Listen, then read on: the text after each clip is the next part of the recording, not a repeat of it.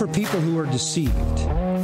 Look for people who are seeking feelings, blessings, experiences, healings, angels, whatever, that are only interested in the byproducts of the faith, not in Christ.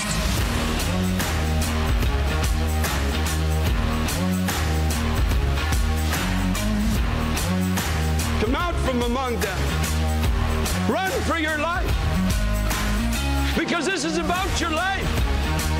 It's not just about an opposing theology or a conflicting viewpoint on Jesus. This is about your life. Run from gospels that focus only on success and prosperity. Run. Run from churches where men and not Christ are glorified. Run. Run. Body of Christ, run. Get out. Run from churches where you're comfortable in your sins. Run from preachers that stand and tell stories and jokes. Run like you've never run before.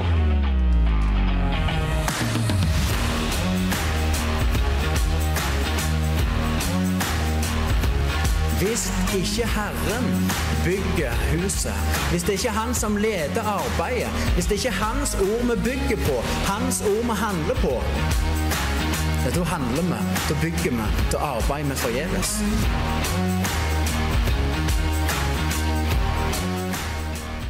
Ok, velkommen tilbake til Reformerte lekmenn. Mitt navn er Håvard Handeland. Hyggelig. Eh, Thomas, jeg er med Thomas i studio. Min eh, gode venn Thomas Oppstad. Og så har vi òg med oss eh, Noen velger å bruke eh, Google. Vi, vi inviterer Jonas. Så vi er med oss Jonas. Når vi lurer på noe, så spør vi han. velkommen. velkommen. Jo, tusen takk. Veldig kjekt å være her. Ja, ehm, i dag så skal vi snakke litt ehm, om det å forsvare trua si. Trusforsvar, også kalt apologetikk, eh, som kommer fra et ord vi finner i 1. Peter, som handler om å være rede til å stå til forsvar for det håpet som bor i dere. Så det er det vi skal utforske litt i dag. Hvordan eh, forsvarer vi trua, og er det feil måte å forsvare trua si på? Med andre ord så har jeg lyst til at vi skal se litt på går det an og hvordan er det vi forsvarer den, det håpet som bør i oss, til, til Guds ære? Med andre ord apologetikk til Guds ære ønsker jeg vi skal se videre på i dag. Eh, jeg har òg lyst at det ikke skal Mange ganger er det sånn, i hvert fall min erfaring, når du når det er snakk om trosforsvar, mange kristne de søker på internett, hører på taler, så ender de ofte opp med å kanskje høre en tale som der det er mye sant og det er mye bra, men allikevel du tenker hvordan i alle dager skal jeg kunne gjenta alt dette som blir sagt her, og hvordan skal jeg få til meg all denne kunnskapen her, og du må jo være et geni skal du kunne forsvare Bibelens Gud og Guds ord. Du må jo kunne alt om manuskripter, du må kunne om eh, dateringer, karbondateringer og dinosaurer og ene og det andre. Men jeg vil spørre, eh, vil vi skal utforske i dag, er det å forsvare troen kun for de ekstra begava? Eller er det å forsvare troen noe som vi alle kristne er kalt til, og som vi òg eh, er i stand til når vi har kunnskapen om, om, om Guds ord. Så Jonas, hvis vi skal begynne denne samtalen, hvor ville du sagt, og mye av publikum vårt eh, Nå kjenner ikke jeg alle, men jeg vet i hvert fall at jeg har lyst at vi skal legge det fram på en måte som er veldig enkel for folk å forstå. Hvor begynner vi når vi skal snakke om temaet og forsvare troen si? Hvor vil du begynne? Jeg begynner med Bibelen. Ja? Det er den beste plassen å begynne. Og Mm. dere kjenner sikkert til det sitatet fra, fra Luther. Med, når han sier da at uh, Nå har de ikke akkurat på norsk her i farten, men uh, han skriver her at uh, I simply taught, preached, wrote God's word, otherwise I did nothing. Guds ord gjorde alt. Stemmer det. Så det, det er en men mest. Og Luther var som sagt en usedvanlig begava mann. Mm. Hadde han ikke blitt teolog, så regner de med at han kunne blitt en, kanskje den mest kjente advokatene på sin tid. Han hadde en ekstremt eh, god hjerne for å utvikle logiske argumenter, og var jo professor i, i teologi. Så Luther var nok sannsynligvis en person som kunne vunnet argumenter med, med bruk av filosofien, men eh, det er dette han er avhengig av. Han, Til og med som mann som han, og mange andre etter han, gjorde oss totalt avhengig av noe så enkelt som bare å lese Guds ord og, og formidle det. Mm. Ja, jeg vil vi skal legge et fundament før vi går videre. Eh, når vi snakker om trosforsvar, så tenker vi ofte på det å legge fram bevis, og så spør vi hva er de beste bevisene. Jeg vil ha et godt bevis som jeg kan legge fram, som er uimotståelig. Jeg tenker en, en viktig grunnvoll å legge, og det er jo mye av det vi har snakket om eh, når det kommer til f.eks. når jeg gikk gjennom Johannes 6, vi snakker om den menneskelige naturen, så vet vi det at det er ikke med menneskelig kraft eller overbevisende tale vi kan frelse mennesket. Vi må være helt avhengige av at det skjer et verk av Gud, og at Den hellige ånd virker i, i hjertene. Så, og Den hellige ånd har valgt, som, også leser i Skriften, at det er gjennom forkynnelsen av evangeliet at mennesket blir frelst. Så jeg tror også det er viktig at vi ikke skiller det å forsvare troen, altså trosforsvar, apologetikk, at vi distanserer det fra det å forkynne evangeliet. Men trosforsvar skal alltid være hånd i hånd med det, med de gode nyhetene i evangeliet. For det er det som eh, skaper liv, for å si det sånn. Og ikke minst det som vi leser om i 2. Timoteus, som Paulus også sier, be om at de må få omvendelsens gave til sannhetens erkjennelse. Så når vi går ut og evangeliserer, når vi forsvarer Bibelens Gud, så må det være med den grunnforståelsen der at vi er helt avhengige av at Den hellige ånd gjør et verk. Et av de favorittversene jeg har i Markus, i Markus 4, tror jeg det står. Skal vi se. Markus 4 han har nettopp snakket om såmannen. Og så ser vi ifra, um, ifra vers 26, og han sa Guds rike er som en mann um, er som når en mann skal så såkorn i jorden. Han sover om natten og er oppe om dagen. Såkornet spirer og vokser, men han selv vet ikke hvordan det går til. Og det tror jeg er et veldig viktig uh, til å legge til grunn at vi er såmenn. Kraften ligger ikke i, i uh, såmannen, men kraften ligger i såkornet og han som gir såkornet vekst. Og Det som jeg syns er litt interessant med denne teksten, her, det er at det står såmannen går ut for å så, og så går han og legger seg etterpå. For vekst ikke avhengig av at vi sitter og våker over det. Vekst ikke avhengig av at vi gjør noe. Vi skal bli funnet trofaste i den tjenesten med å være tydelige vitne for Kristus. Vi skal så, vi skal vanne, men det er Gud som gir vekst. Og Det gjelder òg dette her, når det kommer til forsvarertroen og når det kommer til evangelisering. Det er Gud som skaper liv der det før var død. Det er Gud som gir vekst. Så derfor, jeg vet det er mange, og jeg har tenkt på det før òg, at hvis ikke jeg har gode nok argument, eller hvis jeg ikke klarer å legge det fram på den beste måten, så har jeg blod på hendene mine. For hvis jeg hadde bare vært litt bedre, hvis jeg kunne sagt det på en litt mer overbevisende måte, så kan det være de hadde frelst. Så jeg la i grunnen veldig mye av denne byrden på mine egne skuldre. Jeg tenker at deres frelse ligger i mine hender. Mens det er derfor òg, som jeg har prøvd å tok opp i en del andre episoder, at frelsen ligger ene alene i Guds hender. Det er han som eh, kaller Lasarus ut ifra grava. Og det var han òg som kalte oss ut ifra grava. Men han er valgt å kalle på mennesket gjennom forkynnelsen av dette ordet her. Så et element som jeg tror er viktig ligger til grunn, det er at det er gjennom forkynnelsen av ordet Gud omvender mennesket. Og det er gjennom ordet han kaller på mennesket. Så ja. Når det da kommer til til, hvis vi skal legge litt flere grunnsteiner før vi går inn i kanskje filosofiske argument og, og litt sånn forskjellig, så vil jeg òg gå til en veldig essensiell og viktig tekst når det kommer til trosforsvar, og det er nettopp Første 1. Peter. Er det 3.16, er det det? Um, 1. Peter 3 ja, 15. Det var mesten. Um, meg og Thomas har jo snakket om dette her temaet her litt før. Um, men uh, med Repetisjon all lærdoms mor. Er det sånn? Repetisjon all Jo, stemmer det. Så vi, har godt av å repetere litt. Jeg vil bare lese den teksten. Vær alltid rede til å forsvar overfor enhver som krever dere til regnskap for det håpet som er i dere, men gjør det med sakkmodighet og frykt. Hva var feilen der, Thomas? Leste ikke hele verset. Nei, hva er hele verset? Da begynner det med Men hellige Gud som Herre i deres hjerter og vær alltid rede til forsvar overfor enhver som krever dere til regnskap for håpet som er i dere. Mm. Men gjør det med saktmodighet og frykt. Så altså Det hele begynner med at eh, vi, vi som kristne vi først bekjenner altså Når det står 'hellige Gud', så er det, betyr det at vi skal bekjenne Gud som Herre. Mm. Altså Det er Hans ord som er vår autoritet i hvordan vi skal tenke, hva vi skal si, og i mm. møte uh, i møte med ikke-truende òg. Mm. eller i møte med alt, men òg i uh, apologetikk.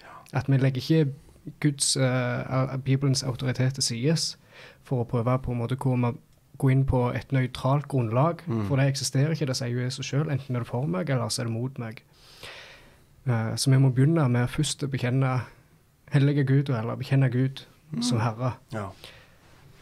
Stemmer det.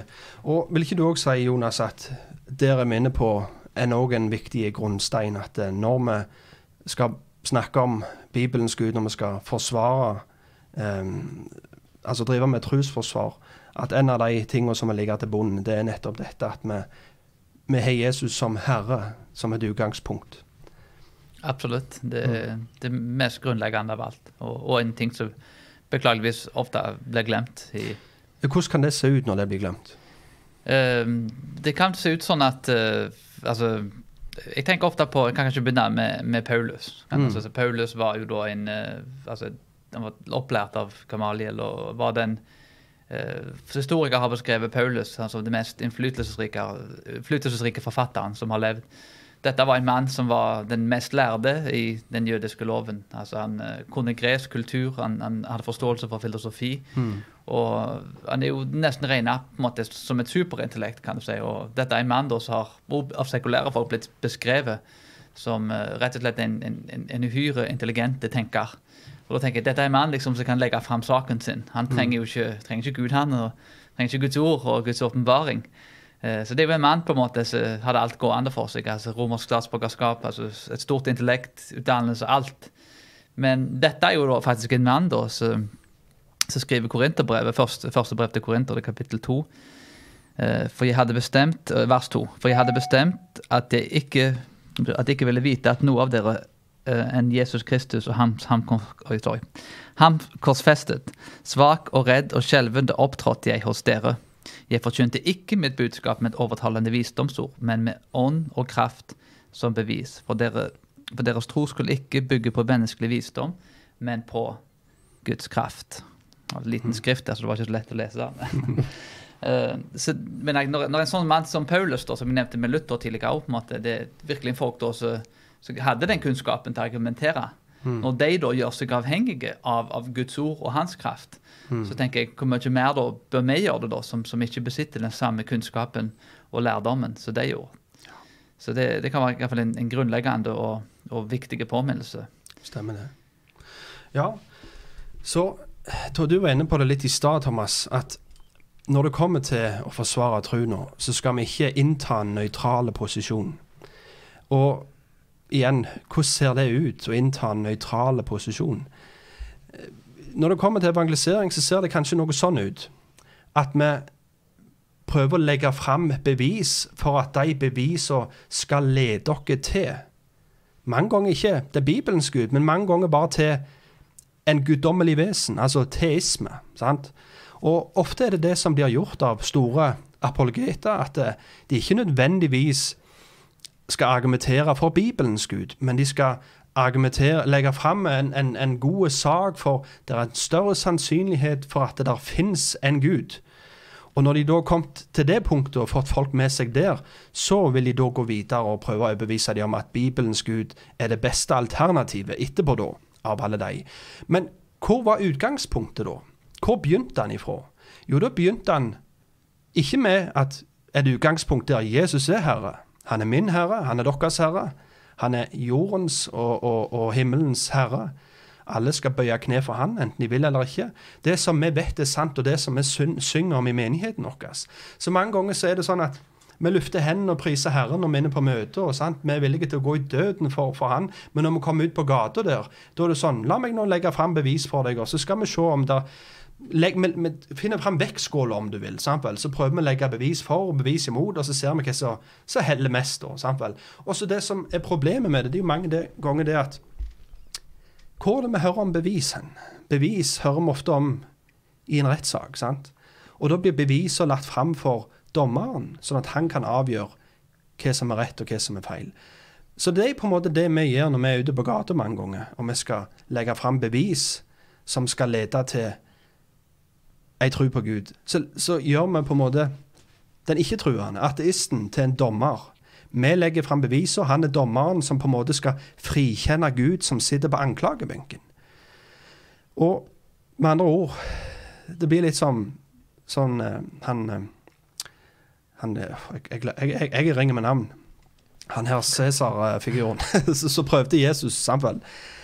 Pontius Pilatus. Pontius Pilatus. Pontius Pilatus, sant vel. Han skulle sette Gud inn på prøve. Og det er på en måte mange ganger det òg vi gjør. Kom igjen, prøv Gud, gi han en sjanse. Prøv han i 30 dager, som Rick Warren sa på Fox News for noen år tilbake. Prøv Gud i 30 dager, gi han en sjanse, han vel. Akkurat som en annen tryllekunstner. La han få lov å prøve å gjøre ting godt. Og så hvis ikke det, så var det ikke noe. Men det som Peter snakker om her, han snakker om når vi skal forsvare Bibelens Gud, så må det begynne med Han. Begynne med Han som Herre. Og Det er det samme med Matteus 7 òg, når han snakker om husbyggerne. Vi begynner ikke å bygge huset før vi har den rette grunnvollen. Sant? Og grunnvollen skal ikke være sand, men det skal være fjell, som i den lignelsen er synonymt med at vi bygger det på hva Han har åpenbart for oss i Skrifta. Og det må òg være sant når det kommer til trosforsvar. At når vi forsvarer troen vår, så inntar vi ikke en nøytral posisjon som sier OK, jeg sier ikke at dette er mer sant enn noe annet, men nå la oss legge fram bevisene, og så ser vi hvor de leder hen. Vi skal ikke være nøytrale. Det er mitt argument. det. Bibelens Gud er ikke han du beviser deg fram til, men Bibelens Gud er han du må begynne med for at beviset i hele tatt skal gi mening. For alle kunnskapen som visdommen skatter, er skjult i Kristus. Og Guds frykt er begynnelse på kunnskap. Så for i hele tatt kunne snakke om sannhet, snakke om kunnskap, snakke om bevis i det hele tatt, så må det ha et utgangspunkt.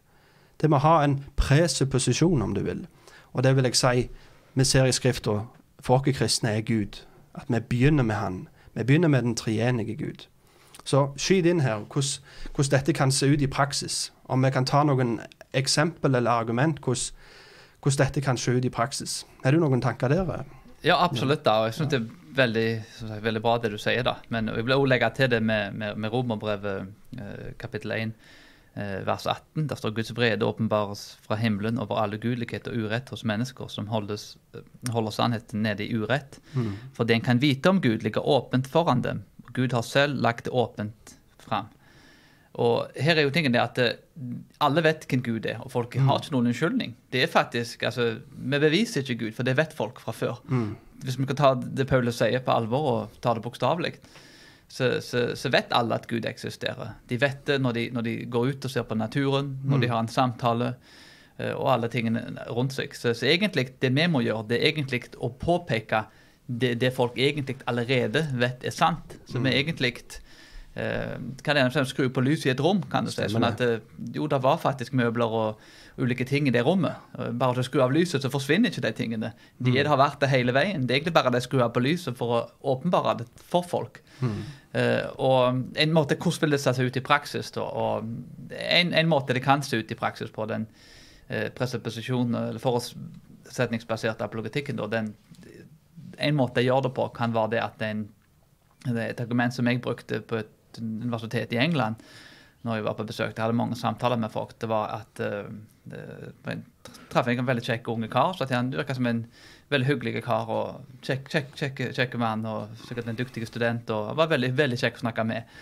Og når du snakker med meg, så, så, behandler du meg som, som, som, at jeg har verdi, som jeg er verdifull. og så jeg, Du behandler meg som jeg skapte Guds bilde. Så du fikk han litt, litt, litt, mer sånn sjokk da.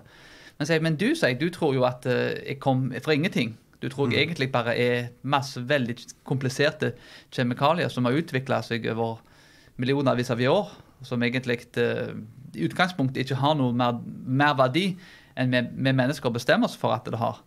Men måten du behandler meg på, er jo egentlig altså Du behandler meg jo ikke sånn. Du behandler meg jo som et verdifullt menneske. Så du behandler meg som, som jeg er skapt i Guds bilde, som jeg er verdifull. Så du behandler meg ikke sånn som ditt livssyn sier, men sånn som mitt livssyn sier. Mm. Så måten du behandler meg på, er mye mer konsekvent med mitt livssyn enn ditt livssyn. Og det var han enig i, faktisk. da, og Av mm. mange andre samtaler i etterkant. Eh, det var, det var, aldri noe uenighet i det, faktisk. Utrolig nok. Jeg tross for at det, eh, var ikke sånn at folk konverterte og omvendte seg, eller mm. noe sånt, men, eh, men de anerkjente at jo, de har ikke noe grunnlag for å tro på, på menneskeverd og, og menneskerettigheter. Så du, du, det er ofte, altså, altså, du kan ikke leve uten å leve i Guds verden. Men Mm. alle lever i Guds, Guds verden. Og, og folk lever eh, ofte mye bedre, heldigvis. Eh, ikke alltid, men ofte så lever de bedre enn deres eget livssyn tillater de. Litt, ja. Jeg må bare backe opp den der. Du, du sa nettopp vi lever alle i Guds verden, enten vi vil eller ikke. Og Det er faktisk et av argumentene til Paulus på Aropagos når han snakker med eh, alle de her filosofene. sant? Jeg bare leser ifra Apostelens gjerninger 1728. For i ham er det vi lever og beveger oss og er til, slik også noen av deres egne diktere har sagt. For vi er også hans slekt. Siden vi altså er Guds slekt, burde vi ikke tenke at guddommen er lik gull eller sølv eller stein, noe som er formet av menneskers kunst og påfunn. Så det er bare igjen, Jeg må bare krydre det litt med, med Jeg kom på det her gode bibelverset. Fortsett. ja, nei, ja, det er kjempebra. Det, måten du la det fram på, var en, en, et viktig bibelvers å bli minnet på der. da. Mm. Og til og med der med, med filosofene så, så forkynner Paulus altså Han snakker om Jesus og forkynner Mm. evangeliet. Han begynner jo da med, med han siterer en lo, lokal eh, poet eller Mm. en, en dikter.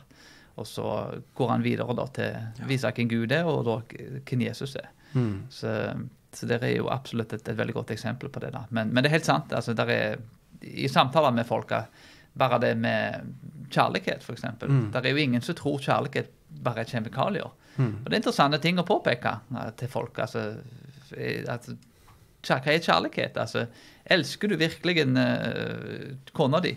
Si. Det, er det egentlig bare en, en, en, en, blanding med kjemikalier på en måte, Mm. som virkelig bare eh, bobler opp, kan du si, når, når, når du føler da kjærlighet? Altså Kjærlighet i seg selv, mener jeg der er no, Alle vet at det er noe mer med kjærlighet enn kun det materielle. Det materielle er absolutt en del av det.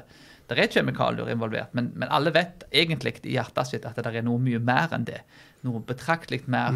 Det er noe, noe guddommelig over evnen da, til at vi kan, vi kan elske hverandre og, og vi, kan vise kjærlighet og, og rett og slett ha en relasjon med hverandre. Det samme går jo med bare det at vi kommuniserer med hverandre. Mm. Ord i seg selv, mener jeg, og eh, samtale, det er jo et, på mange måter et mirakel. Og at alt dette da skal ha vært eh, psykologi, f.eks., altså, altså den mentale tilstanden vår. Altså, dette er jo ting som er usynlige. Tankene våre. Mm. Dette er jo ting som ikke er materielle, men som allikevel er helt umulig til å forklare uten at den da går til Og det er jo nettopp det Bibelen gjør. kan du si. Han, han viser oss at eh, jo, Adam var, var skapt av, av, av jordet. Så det er absolutt en, en del av mennesker da, som er, kommer fra jordet. Som også på en måte er, er, er lik med dyret. Som har mye i oss som, som, som er likt dyret. Men, men det er òg en guddommelig del i oss. Vi også, altså, har Guds, Guds ånd i oss, Guds pust i oss. Mm. Så, så der, er, der er begge deler. Og det er kanskje der det, det materielle livssynet tar feil. At de, de bekrefter ja, vi er kun materielle. Mens det kristne livssynet sier nei, vi er faktisk materielle òg. Altså, vi skapte Guds bilde. Mm. Så det er, da, det er mer enn det. Det, det er både det og, og mer enn det. Og det er kanskje der de, de bommer med kritikken. Mm. Ja, du var inne på noe viktig i stad. Du, du sier det at eh, alle har et verdensbilde. Og det er jo igjen henger sammen med at vi ingen er nøytrale. Og vi, verden er ikke nøytrale, og vi er heller ikke kalt til å være det. Vi står alle på et fundament. Vi står på en grunnvoll, som er det verdensbildet. Sånn vi ser og forstår verden. At si, OK, vi bruker ordet ateist. En som ikke tror. Eh, en som tr ikke tror at Gud eksisterer.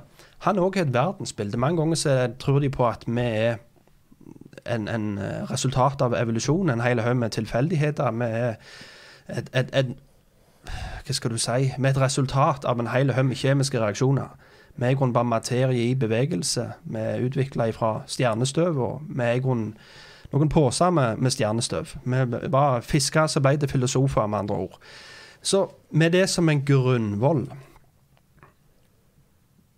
Stjernestøv, materie i bevegelse, med et resultat av en tilfeldighet. Og du kan ikke Hvis du vil ha mening i livet, så må du lage din egen mening, men det er ikke en objektiv mening ut forbi deg sjøl. Den må du lage og finne ut av sjøl. Eh, så da, det er det verdensbildet, det grunnvollen står på. Og når en har det som en grunnvoll, det er i hvert fall det en sier med ordene sine mange ganger. Men det du var inne litt på i stad, det er det at når du kikker ned på beina, sant? når du ser hva de står på, så er det veldig ofte inkonsekvent. Det som kommer ut ifra munnen deres, gir ikke veldig mening ut ifra den grunnvollen de sjøl sier de står på. For hvis de står på en ateistisk grunnvoll, om du vil, der det ikke er noe objektiv mening, det er ikke en objektiv standard for sannhet, det er ikke en objektiv standard for moral, en vil heller appellere til flertallet, eller det er noe som subjektivt blir bestemt, de lever ikke veldig ofte sånn. For med en gang du har en objektiv standard for sannhet, så må du jo spørre ja, hvor er den objektive Hvor er lovgiveren for denne standarden? Hvis du har en objektiv standard for moral, så må du òg ha en lovgiver for den standarden. Og hvor har du den hen? Og der har vi sikkert alle vært i forskjellige samtaler. Når vi kommer inn på de her spørsmålene så har med moral å gjøre, når vi kommer inn på spørsmålet, så har med sannhet å gjøre Jeg kan ta et eksempel fra mitt eget liv. Jeg, jeg har vært i flere samtaler med ateister. og og veldig ofte så kommer kritikk imot Bibelen på dette grunnlaget. Ja, i Gammeltestamentet så var, sendte Gud ut eh, noen bjørner for å ta livet av 40 små unger bare fordi de sa noe stygt til en profet. Med andre ord, Bibelens gud er umoralske. Derfor vil ikke jeg ha noe med den guden der å gjøre. Og da kan vi begynne å legge ut, vi kan begynne å forsvare si nei, han var ikke umoralsk, og vi kan fortelle konteksten, og vi kan er du med? Vi kan prøve på en måte forsvare Gud på den måten. Eller vi kan gå rett til beina. Sant? Vi går rett til beina. Hva det vil si? Jo, den grunnvollen han står på, som en ateist, der han ikke tror på en objektiv standard for moral, der moral er noe subjektivt, det vil si min sannhet det er sant for meg, og det du syns er sant, det er sant for deg, hvorfor vil du da si at Bibelen Bibelens Gud er ondskapsfulle? Da vil mitt neste spørsmål være ut ifra hvilken standard? Hva er rett og galt? Hvordan du, kommer du fram til rett og galt i din verdensbilde? Og da vet jeg ikke hva svar dere har fått da, men da kommer jeg i hvert fall veldig ofte inn på denne karusellen, som jeg kaller det. Og da begynner det med jo, flertallet i et land. Vi bor i et demokrati. sant? Flertallet i landet er det som bestemmer hva som er rett og galt. Og da er mitt neste spørsmål ja, er du enig i alle lovene og reglene i dette her landet? Er du enig i å betale 35% skatt? Å nei, det er jeg ikke enig i det hele tatt. Ja, men hvis du fokuserer på dette demokratiet, og alle lover og regler vi har i dette landet her er bestemt gjennom demokrati, og du ikke er enig i det, med andre ord du er i et mindretall, så er jo du den umoralske her. Er du med? Og videre så blir det jo sagt da Eller jeg, jeg, jeg kan fyre på enda mer, og så sier jeg det at ja, Hitler han ble velt, i, vel, velt inn gjennom et demokratisk system. Um, og flertallet i det landet på den tida var med på det som han holdt på med. Så hvis din standard er at flertallet i et land er det som dikterer moral, da, det, da, da kan ikke du si det var umoralsk, det Hitler gjorde. Og hvis det var et mindretall i det landet som var uenig i det Hitler gjorde, så er det faktisk de som er umoralske ifølge den standarden. De som protesterte imot flertallet. Men da går det videre i karusellen. Da er det neste steg. Ja ja, men flertallet i verden var uenige i det Hitler gjorde. Og da bare mitt svar til det, det OK, så det er flertallet i verden som dikterer hva som er rett og galt ifølge deg. Mitt svar til det er bare ja, men du lever ikke sånn. Du spør ikke flertallet i verden hver gang du kommer med en uttalelse om hva som er rett og galt. Du har ikke tatt en, eh, en, undersøkelse på, på det hver gang du sier 'dette liker jeg ikke', eller 'dette er greit', 'dette er galt'. Du sier bare det. Så den standarden selv om du sier det, så lever du ikke sånn. Så hvor er da denne standarden? Jo, det er meg sjøl. Det er ofte der det ender opp. Det begynner med flertall i et land, og så blir det flertall i verden, og så ender det opp akkurat der som Bibelen òg sier det ender opp. Og det er en sjøl. Når han hiver vekk Gud, så gjør han seg sjøl til Gud. Og det er mange ganger derfor han òg ikke blir noe med Gud å gjøre, pga. en, en tilber og dyrker seg sjøl. En gir seg sjøl til den objektive standarden for rett og galt. En går til seg sjøl for å si hva som er sant. En gjør seg sjøl til den ultimate autoriteten, med andre ord. Og så prøver vi å presse den autoriteten på andre. Så med andre ord Den autoriteten har ikke blitt gitt deg. For som vi så her i Peters brev, Jesus er Herre. Han er Herre over oss som tror, og han er også herre over de som ikke tror. Så han er det som har den ultimate autoriteten. Men når mennesker da ikke tror på han, gjør seg sjøl til den autoriteten, så blir det akkurat det samme som en ikke-kristen springer ned på legetøysbutikken og kjøper seg ei politiuniform og stiller seg opp på gata eller på, på, en landevei og stopper alle bilene og sier du er kjørt for fort. Og når jeg da ruller ned vinduet til han her som jeg ser har kjøpt politidrakten sin på en legetøysbutikk, så spør jeg hvem har gitt deg denne autoriteten? Nei, den har jeg kjøpt på legetøysbutikken. Det er i grunnen det jeg hører komme ut av munnen på en sånn person som gjør seg sjøl til en autoritet. For det er akkurat det samme som at jeg bare skal kjøpe en politiuniform på legetøysbutikken. Og da sier jeg bare Ja, hvem har gitt deg den autoriteten? Ha det godt. Ha en fin dag, så snakkes vi. Og det er det som er veldig viktig. Det er derfor òg jeg snakker om jeg, jeg har mange ganger brukt det her eksempelet. Jeg vet ikke om jeg er en sånn liten guilty pleasure. Av og til så går jeg på YouTube og så ser jeg på sånne russiske uh, smikkekamp. Det? Der de står på hver sin side av bordet, og så smikker de hverandre annenhver gang i fjeset. Og sånn er det veldig ofte med forsvarer troen vår. Han kommer med et argument, smikker deg i fjeset, og du kommer med et argument og smikker han tilbake. Og du kan holde på sånn uendelig. Jeg husker Han hører antakeligvis ikke på denne podkasten her, så jeg kommer ikke til å nevne navnet hans, men men eh, vi bor i et lite land, så det er veldig fort gjort å finne ut hvem det er snakk om. Men eh, meg og far min driver jo et, et bilverksted. Og vi fikk ansatt en, eh, en kar da, som var en veldig militant ateist, med store M. Um, han hørte lydbøker på jobb av Richard Dawkins og hele pakken. Det var og jeg var ikke i den uh, sant, Jeg hadde vært litt på gata og forsynt om evangeliet, men å få det der pumpet inn i hver matpause liksom med to matpauser på en halvtime, så totalt sett så er vi en time pause til dagen. Og det var det var full, full krig hver, hver, matpause, for å si det sånn. Og der var det Herren tok meg på ei vandring. For der ble jo jeg helt tatt på senga jeg tenker hjelp, hvordan skal jeg klare å forsvare denne her guden som jeg tror på? Sånn og sånn. Og det han kritiserte det på manuskriptgrunnlaget. Ja, ja, men det er jo bare en hel haug med historier som blir fortalt gang etter gang etter gang. og Akkurat som Kviskerlegen. Du går i en runding, og til slutt Han som sier det ordet som først ble satt til å begynne med, det er plutselig blitt et helt annet ord. Så Derfor kan vi ikke stole på Bibelen. Da måtte jeg, måtte jeg sette meg inn ja, hva er grunnhistorien til, til denne boka, her, så jeg kan forsvare den. Eh, videre så var det òg bevis på bevis, det her som er evolusjon og neandertalerne, og vi holdt på. Um, og det jeg gjorde da, det var hjem og google.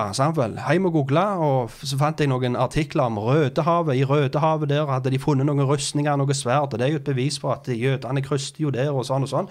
Så det artikkelen sendte jeg han, og så på kvelden etterpå så sendte han meg en ny artikkel at eh, den som viste at denne artikkelen var falsk, og de bildene var i grunnen tatt fra Peru, og sånn og sånn, og det var noe helt feil. Så fram og tilbake er det med den her smikkelegen. Han gir meg et bevis, jeg kommer med et motbevis, og så sender han meg en artikkel hvordan endte kenguruen opp i, i Australia. sant vel? Da, det motbeviser jo hele Noahs ark. Noahs ark kjørte jo ikke rundt og slepte av alle dyr og alt der de skulle være. sant vel? Hjelp, hvordan skal jeg svare på det her? Og da sendte jeg han noen artikler som handler om at eh, jordkloden er vært annerledes, og jordskorpen har flytta seg litt rundt. og er du med? Så jeg tror ikke Når, når, når det står her i 1. Peter 3,15, så står det at vi skal ha Jesus som Herre, hellige Kristus som Herre. Være redde til å stå forsvar for det håpet som bor i dere, og vi gjør det med ydmykhet og frykt. Med andre ord, når vi får beskjed om å forsvare troen vår, så står det en advarsel på slutten. Og når du går i butikken for å kjøpe deg en sprettball, så er det ikke en vanvittig lang advarsel der. For det er ikke et veldig det er ikke et veldig farlig redskap. Men går du i butikken og kjøper ei hagle, så får du en veldig lang advarselslapp om hvordan denne her ikke skal brukes. Og det samme er det med dette her òg. De redskaper vi har fått for å forsvare troen vår, er det en advarselslapp med. Hvordan vi skal bruke den. I ydmykhet og i frykt. På grunn av den måten som er lagt fram for oss i Skrifta, sånn vi kan forsvare troen vår det er et våpen som ødelegger. Det er ikke sånn du kommer bort til en person og sier ja, 'flott hus, men du har bare en litt skeiv takstein'. Men dette her er en, en måte å gå fram på som sier 'Se der, ja, der har du et hus, men det mangler grunnvoll'.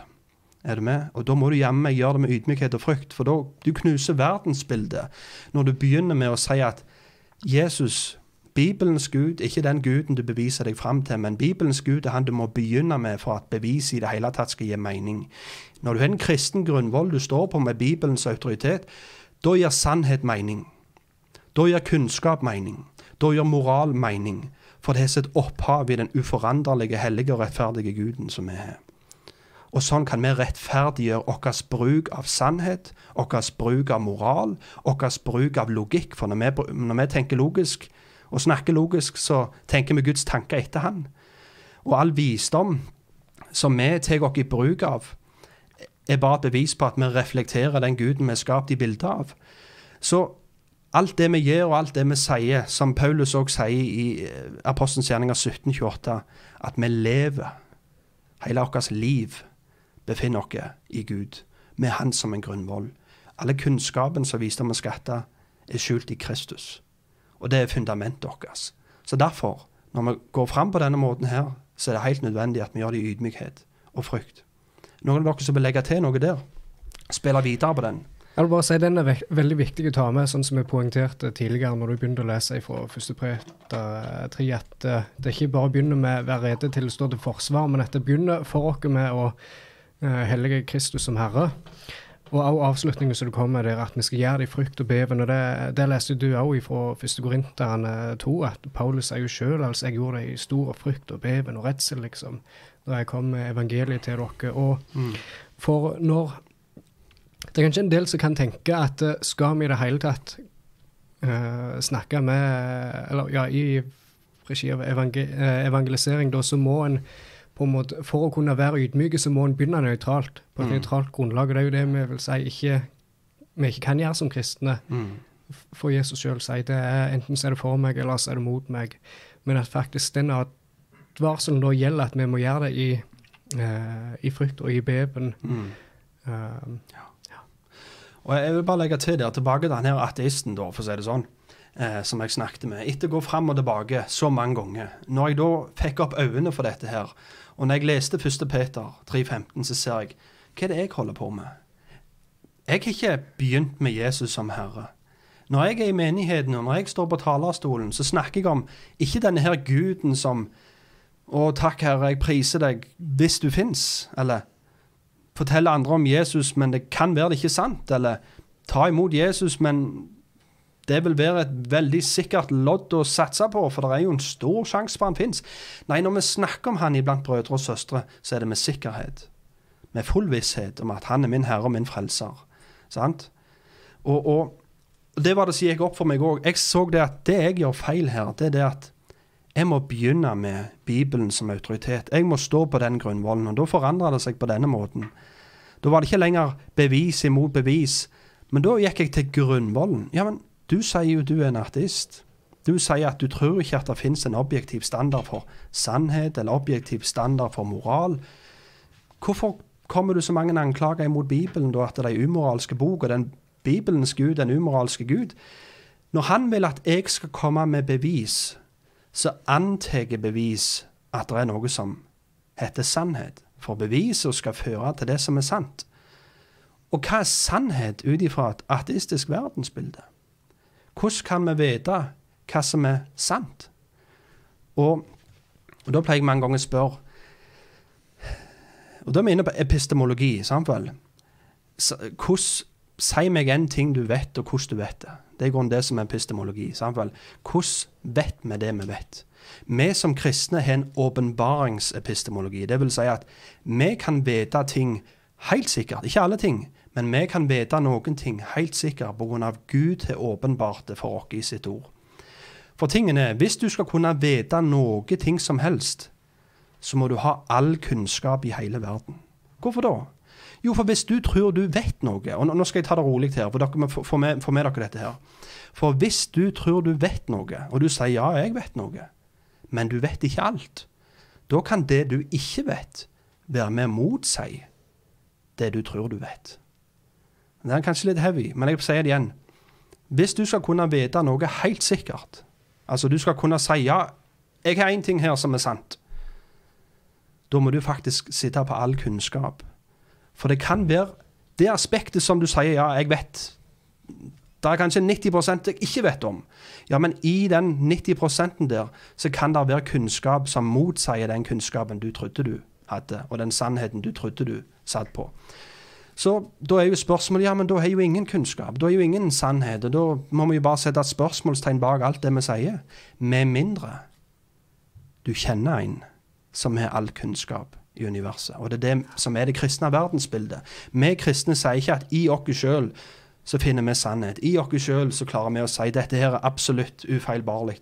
Men på grunn av Bibelens Gud har åpenbart seg for oss mennesker, så kan vi si at vi vet noen ting helt sikkert pga. han, og han som vet alle ting, har åpenbart det for oss. Så det er det grunnlaget vi har for at vi kan si noe sant. Men hvis du da, som en ateist, ikke har den grunnvollen, da må du faktisk, som òg denne her ateisten på arbeidsplassen sa, ja, jeg kan ikke si noe helt sikkert. For han forsto det at han vet ikke alt.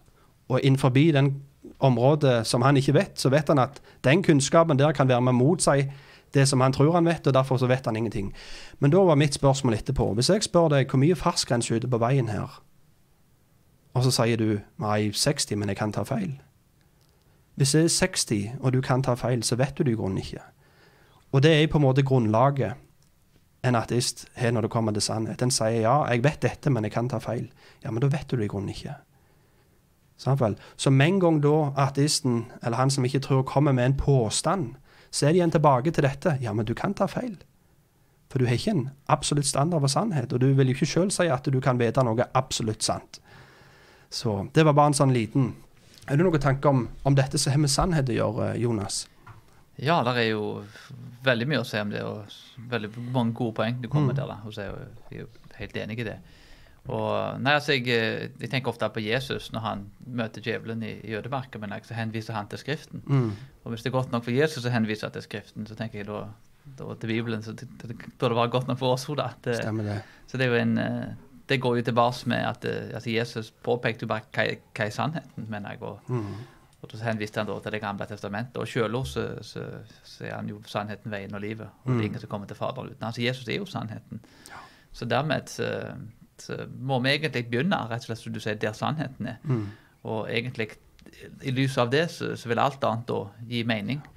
Og det er jo egentlig gjennom da eh, formidling av, av Bibelen, altså den, denne metoden da, altså måten den kan fungere på, er jo at den begynner da, som du har allerede har gått inn på, at den begynner da med, med, med motstanderen sitt livssyn, og viser at eh, ja, som du sier, du, kan, du har ikke noe grunnlag for å tro det. Altså Innenfor ditt livssyn er du totalt inkonsekvent. Så du begynner rett og slett å snakke om det de tror på, for å vise at uh, her er det interne selvmotsigelser, og få den personen til å innrømme det. Men jeg har et livssyn som faktisk dette henger sammen i. Kan, du si. kan du komme over her på min side, så kan vi se hvordan det fungerer her. For det funker jo ikke på din side. Så det er jo en, en veldig enkel måte å, å måtte kanskje sette de, dette her i praksis på. Da, Og, men igjen, altså, det, det med sannhet er jo også sterkt knytta til eh, eh, det er sterkt knytta til det med fornuften. kan Du si. Du bare du nevnte at eh, vi er skapt i Guds bilde, og vi, vi skal være like Gud. mener jeg, og eh, tenke tanker, Guds tanker etter han. kan du si. Det var jo sånn den vitenskapelige revolusjonen vokste frem. At eh, folk ville tenke Guds tanker etter han. At de ville observere og se de tingene som Gud hadde skapt. Eh, og, og søke sannhet, kan du si. Og det er jo en, en annen ting med forhold til sannhet òg, at uh, på grunn i dag av at i Vesten at det kristne, etikken og, og, og moralen og livssyn er i ferd med å forsvinne, så er vi i større grad i ferd med å få eh, jeg vil si, kanskje både medisin og vitenskap er i ferd med å bevege seg mot en plass der profitt, altså grådighet, og, og mange andre årsaker er, er med å drive utviklingen. Altså det, de vil ikke søke sannhet, og, og at mennesker skal få det bedre. kan du si. Det handler egentlig eh, i større grad om altså Vitenskapen kan veldig fort bli et, et redskap da, som ikke søker sannhet, men som søker profitt og, og rett og slett blir brukt til å manipulere folk, men at de vinner politiske valg. og jeg mener faktisk i stor grad at vi, vi er i ferd med, med å se den utviklingen faktisk i den vestlige sivilisasjonen nå. Nettopp pga. at Jesus står som, som sannhet er blitt avvist. Og Vitenskapen handla opprinnelig som han vokste frem da, ut ifra De fleste vitenskapsfolkene var kristne. Det kom ut fra et kristent livssyn. Men når du slutter da å søke sannhet for sannhets skyld, kan du si, så, så søker du det for, for å få makt og for å få penger. Og dermed så, så, så er det en veldig uheldig ut, utvikling i den forstand. Men uh, du har f.eks. i forhold til han tenker du på at han nevnte med han artisten du sa, uh, Sam Harris, da, som er en, en annen kjent eh, Og faktisk kan du sitere Richard Dawkins òg, siden du, han var så glad i han. Richard Dawkins sier jo faktisk sjøl at uh, DNA vår altså, bryr, bryr seg ikke om noen ting. Vi danser bare etter musikken til DNA-et vårt, kan du si. Det, det er jo det han sa. Og så har du uh, andre, også nyartisten Sam Harris, da, og han innrømmer at uh, selve da, vi sjøl er en illusjon, og fri vilje er en illusjon. Mm. Og hvis en da begynner med det de sjøl sier, som er nyartister, så er det faktisk altså En buddhist ville faktisk kommet Altså Buddha kom til disse konklusjonene tusenvis av år da, før uh, Sam Harris. Mm. Så det var eneste forskjellen der. Så det er litt morsomt faktisk å se at det artistiske livssynet det er i ferd med egentlig å se at uh, egentlig så kan du like rett bare kunne gå opp i fjellet og begynne å meditere. egentlig Mm. der, det, det er meningsløst egentlig å hele tatt snakke om sannhet. Altså. Vi danser bare rundt etter DNA-et vårt, sier en av de største Oxford-biologene, Richard Dawkins, da, Mm. i, i, i, et sitat da, i, i, i bøkene sine. Så, så i et sånt livssyn mener jeg, altså, så er vi totalt determinert av arv og miljø. Og vi har ikke nubbesjanse egentlig til å hele tatt være interessert. Vi søker overlevelse, ikke sannhet. Og hvis de hadde vært konsekvente med det i en rettssal, så ville jo faktisk dommeren sagt ja, du danste bare etter DNA-et ditt når du stakk hull i den stjerneposen. Men vi gjør jo ikke det. Vi, vi, det er et sinne, og vi søker rettferdighet, samtidig. Og vi søker kompensasjon for det som har blitt ødelagt, og det som har blitt gjort galt. Og der òg viser det igjen at de som mange ganger har dette verdensbildet, de lever ikke i tråd med det. For hvis de skulle le- levd i tråd med det utsagnet som du leste der, at det vi gjør, det er bare å danse etter sånn vi har skrudd sammen, med andre ord, sant vel? Så, så burde en ikke reagere på alle de her urettferdighetene som er skjedd. Det gir mer mening ut ifra kristent verdensbilde, der mennesket er skapt i Guds bilde og har en verdi nettopp pga. Han vi bærer bilde av.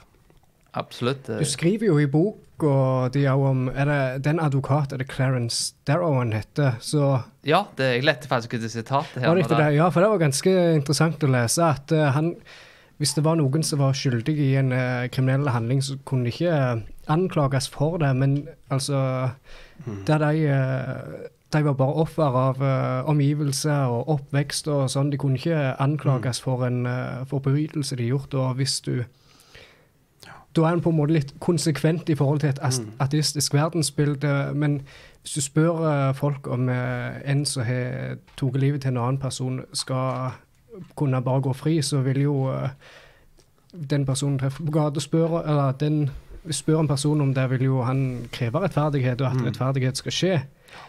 Og det, kan, det vil både kristne og ateister si. Og igjen så viser jo det altså både kristne og ateister vi kan ikke la være å vise at vi er skapt i Guds bilde. Stemmer det. Og det er det som er viktig å se. Når du snak, snakker med en ateist som virkelig reagerer på til og med urettferdighet, som han mener i Bibelen sammen.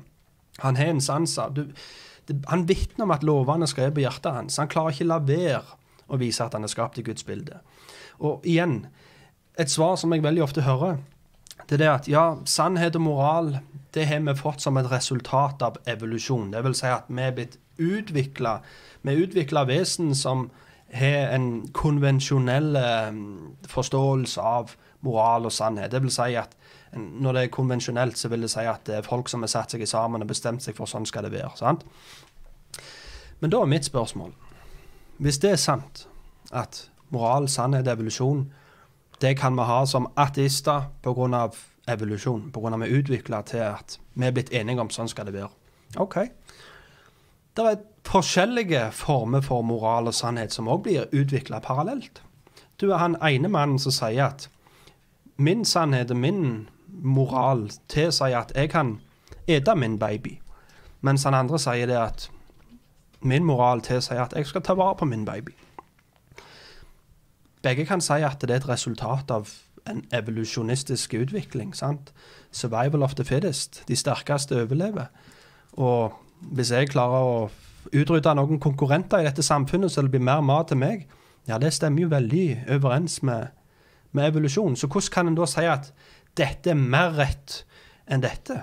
For begge har sitt opphav i den samme argumentasjonen, at moral er noe en får ifra at vi en utvikler det gjennom evolusjon over lang tid, så blir folk enige om sånn vil vi ha, og sånn vil vi ikke ha.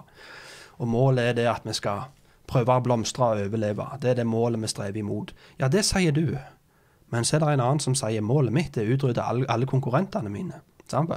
Hvorfor du, du står ikke i en posisjon med et artistisk verdensbilde til å si at dette er bedre eller dette er verre. Det eneste du kan si, det er annerledes. Og det er her det fantastiske bildet til Douglas Wilson kom inn. Når han tar to brusflasker, en Dr. Pepper, og så tar han en uh, Mountain Dew, som det heter, Så tar han de to flaskene sant, rister de og setter de på siden av hverandre, og så skrur du av korken. Det som kommer ut der, det er fus. Med andre ord, en kjemisk reaksjon har nettopp skjedd i begge flaskene. Og hvis jeg da spør etterpå hvilken av de to fusene er mest sanne eller mest moralske, så tenker du det er et absurd spørsmål å snakke om sannhet når du kommer bare til kjemiske reaksjoner. Det er jo bare kjemiske reaksjoner. Nettopp. Og det er akkurat det ateisten sier når det kommer til hva som foregår i hodet vårt, som motiverer alt det vi gjør. Handlingene våre er fus, og det som kommer ut av munnen, er fus. Med andre ord kjemiske reaksjoner. Og Derfor kan ikke ateisten som har det verdensbildet, si hei, det du sier, det er galt. For du fuser litt teistisk, mens hans fuser litt ateistisk. Samtidig. Det blir feil for en ateist å kritisere en annen manns fus. Hvis han mener det er feil å si at den ene fusen i den flaska der er mer rett enn den andre. Det er bare fus. Det er annerledes. Så hvis ateisten skal være konsekvent med sitt verdensbilde, når han da ser naboen ete babyen sin, så må ikke han si 'hei, det er galt', men da må han si 'hei, det der hjemme meg annerledes, det du holder på med'. Samtidig. Det blir ikke rett å si det er feil eller galt, for det er en kjemisk reaksjon. Og la han få fuse på den måten, og så fuser du på din måten. sant? Men sånn lever en ikke. Derfor, en klarer ikke la være. Og du var inne på det, du leste Roman 1, sant? Paulus sier det at de holder sannheten nede i urettferdighet, for det en kan vite om Gud, ligger klart åpent for dem. For Gud har åpenbart det for dem. Helt siden verdens skapelse av hans usynlige egenskaper vært klart synlige. Det gjelder hans evige kraft og hans guddommelighet. Disse kan kjennes ut ifra de gjerninger som er gjort. Derfor er de uten unnskyldning. For selv om de kjente Gud, æret de han ikke som Gud eller takket. sant? Så Paulus sier de vet hvem Gud er. De er uten unnskyldning. De kjenner denne guden her, men sannheten om denne guden, som han er åpenbart i den naturlige åpenbaringa, den holder deg nede i, urettferdighet. Og som du var inne på, Jonas, det vi da gjør når vi kommer inn her, det er å prøve å skru på lyset. Det er faktisk det. Så nå hiver Gud en liten her til dere, som veldig ofte kommer. Og det er denne her. Ja, men hva med de som aldri har hørt, da? Kommer de òg til fortapelsen? Jonas, vil du ta den? Hva med de som aldri har hørt i jungelen i Peru? Ja, uh, min posisjon på det er vel kanskje mer som en uh, jeg, jeg, vet ikke hva som skjer. skulle si. Med, jeg tror på en rettferdig og god Gud som, som da vil mm. dømme rett, folk rettferdig. Altså, uansett, mm. Vi har jo vi vil jo fungere som, som et middel med å, å, å, bringe folk til frelse, kan mm. du si. Og, så jeg vil heller på en måte ikke undervurdere Guds mulighet til å mm. Kanskje han har frelst en del folkene i Peru uten at vi nødvendigvis vet om det. Der er masse folk, masse muslimer i Midtøsten som får drømmer om Jesus uten at noen forkynner til dem, og, og mm. folk blir frelst. da, og Nabil Qureshi, for eksempel, og han, Nå bodde han i Amerika, men han, mm. eh, han fikk en drøm av Jesus. da, Det var en av flere ting da, som var medførte han da, til frelse. da, ja. men eh, så Gud kan jo mm. åpenbart mange historier ifra, dette fra junglene, der rett og slett stammer da har sett mm. Jesus, mm. og det er folk da som har konvertert. og Det er jo vanskelig å bekrefte sånne ting kanskje for oss. og hva som er sant, og hva som er ikke sant. Men, eh, men vi tror på en, Gud, en god, god, og rettferdig Gud da, som kan bringe folk til frelse, da, uansett. Og igjen, altså, Men om Gud ikke skulle velge å gjøre det, da så, så Han skylder ikke oss frelsen, kan du si. Han mm. skylder oss ikke nåden. Det, så om man skulle velge, velge da, ikke frelse folk rundt omkring i Peru og andre plasser, mener jeg, så, mm. så det, kan man gjøre det og likevel være 100% rettferdige. Ja, for mange kristne vil jo på en måte si det at å nei, hvis de ikke er hørt, da blir de ikke holdt ansvarlige. Da kommer de til himmelen automatisk. At det er en slags automatikk i det at det er kun de som er hørt, som blir holdt ansvarlige. Eh, og da tenker jeg, hvis det er sant, hvis det er sånn at de her stammene i Peru, eller hvor det nå enn skal være, at de automatisk kommer til himmelen pga. de har jo aldri hørt. Da burde ikke vi sende evangelister og ta ifra dem den gode billetten der. Da burde vi sende murbyggere med andre ord sende noen murbyggere som kunne bare mure de inne der, så ingen får kommet inn og forsynt dem, for da tar vi ifra dem den unnskyldningen. At de visste ikke. Men Bibelen beskriver ikke det sånn. Det er derfor vi ser også i Roman 1 så ser vi det at Gud har åpenbart seg til mennesket. På en, ikke på en måte som gjør at de bare kan se på et fjell og bli frelst, men på en måte som, som eh, burde få de til, som Paulus også sier i Apostelens gjerninger eh, skal vi se Gud gjorde også uvanlig kraftig Skal vi se Nei, det var der. Eh, han har gjort hvert folkeslag av ett blod og latt dem bo over hele jorden, og har fastsatt deres forbestemte tider og grenser for deres bosteder, for at de skulle søke Herren i håp om at de kunne famle seg fram til ham og finne ham, selv om han ikke er langt borte fra en eneste av oss. Så der har vi igjen at Herren har åpenbart seg, og Herren har en plan med at folk bor der de bor. Han er det som fastsetter grensen og gjør folkeslag store, og han avsetter konger, innsetter konger. Så Gud er suveren over det.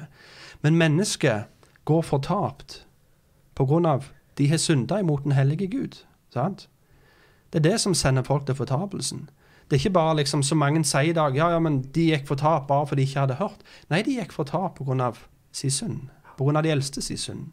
Gud åpenbart seg på en sånn måte til alle mennesker at det, det skal være med å føre dem til å søke og finne ut hvem er denne her guden. sant?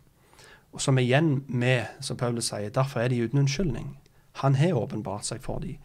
Men igjen, som Jonas òg sier, at der er vi hører tilfeller om hvordan Gud åpenbarer seg også på en veldig spesiell måte i enkelte tilfeller.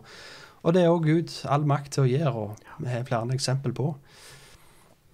Ja, men bare i uh, det som du ofte ser med en jungelstemme eller noe sånt, det er jo at uh, de tilber Gud der òg. De tilbyr bare det skapte. Ja. Uh, ja. Mm. Ja, um, hva var det jeg tenkte på? Uh, hvor vil du si, Er det noen andre elementer vi kunne tatt med her, Jonas, som du kom på? Vi tenker å ha to episoder om dette her temaet, her, men uh, nå litt avslutningsvis, er det, er det noen siste ting du tenker kunne passe godt inn i, inn i dette temaet?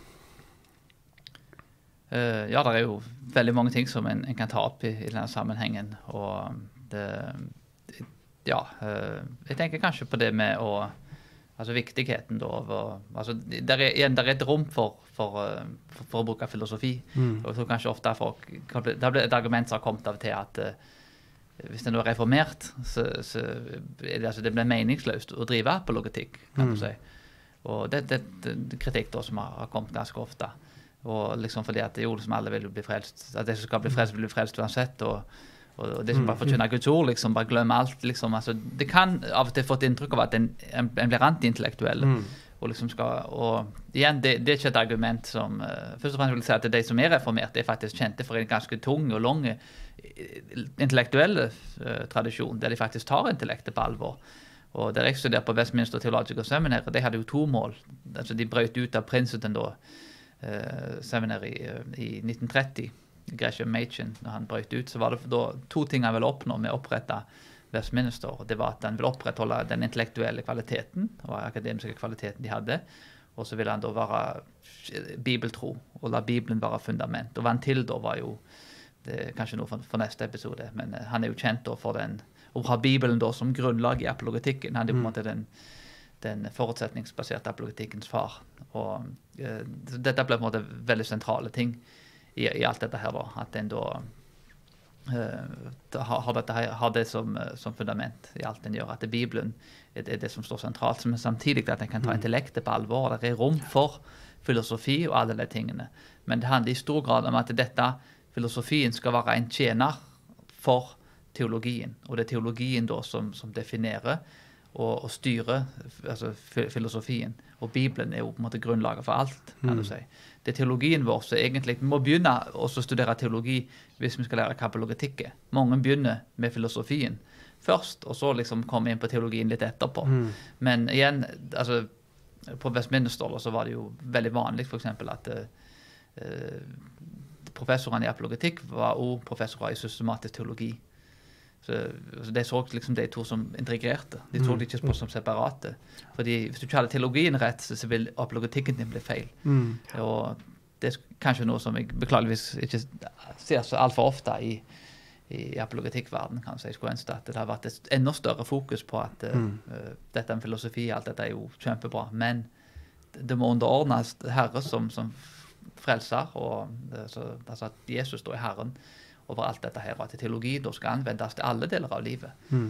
Når jeg starter med det fundamentet, som du sier, så, så blir alt annet rett. Men hvis en, hvis en bommer på det og begynner med feil, så, så kan en ende opp med ganske uheldige uh, resultater til, til slutt. Hvis en Mm. fjerner det fundamentet og begynner med filosofien. Så med andre ord, når noen kommer med